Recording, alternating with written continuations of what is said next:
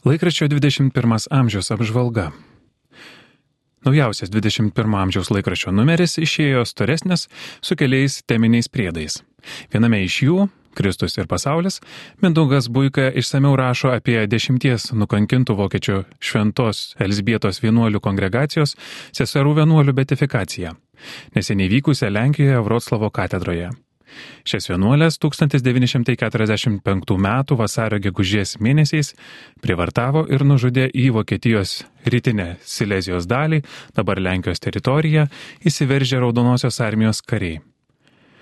Jos sunkiomis karo sąlygomis globojo vaikus, ligonius ir pagyvenusius žmonės, o sovietų karių įniršis jų atžvilgių išreiškė tuometinio Rusiją valdžiusio stalinistinio komunistų režimo išugdytą neapykantą katalikų tikėjimui.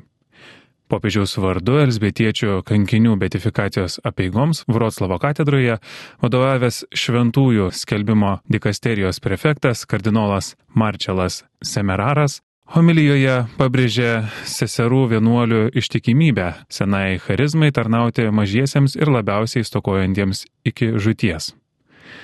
Pasak kardinolo Semeraro, šis herojiškas pavyzdys primena ir šiuos laikus, kai žiaurumą bei neapykantą patiria silpnaisiais besirūpinantis žmonės, ypač krikščionis agresyvaus karo apimtoje Ukrainoje.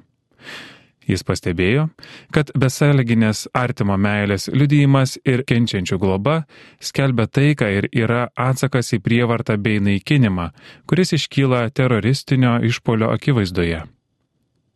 Nurodydamas Lenkijos kaiminystėje vykstančias kovas Ukrainoje, kardinolas Semeraras kvietė karštai melstis naujųjų palaimintųjų užtarimo, kad būtų atkurta taika.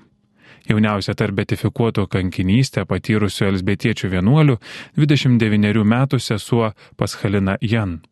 Ji kaip slaugytoja prižiūrėjo sergančius vaikus ir senelius, nevengė ir vyrėjos pareigų savo bendruomenėje. Paskutinė jos tarnystės vieta buvo Subotinos parapijoje gretimame Moravijos regione Čekijoje. Čia ją nužudė Raudonosios armijos kareivis 1945 m. gegužės 11 d. netrukus jau po oficialios karo pabaigos. Kulka buvo paleista tiesiog į sesers paskalinos širdį, per grumtinės bandant ją išprivartauti amžiumi vyriausia tarp paskelbtų palaimintosiomis elsbetiečių kankinių buvo 70 metų sesuo Marija Sapiencija Haiman. Kaip ir kitos seserys, ji karo metu globojo ligonius ir senelius Nysos mieste. Sesuo Marija Sapiencija buvo į bendruomenės namus įsiveržusių girtų sovietų kareivių nužudyta 1945 m. kovo 24 d., kadangi stengiasi apginti jaunesnės seseris nuo prievartos naujųjų palaimintųjų beatifikacijos bylos postulatorė sesuo Miriam Zajats interviu JAV katalikų žinių agentūrai sakė, kad ne vienas sovietų karys nesulaukė kokių nors sankcijų dėl seserų vienuolių prievartavimo ir, nu, ir žudimo. Nes toks žiaurus elgesys Raudonosios armijos buvo naudojamas kaip svarbus karinės strategijos elementas. Šios kariaunos nusikaltimai buvo dalis tragedijos, kurią patyrė sovietų užimtų Vokietijos ir Lenkijos žemių civiliai gyventojai, nes įniršis krikščionių bendruomenių, įskaitant moterų vienuolijas atžvilgių, išreiškė ateistinio komunistų režimo išugdytą neapykantą tikėjimui.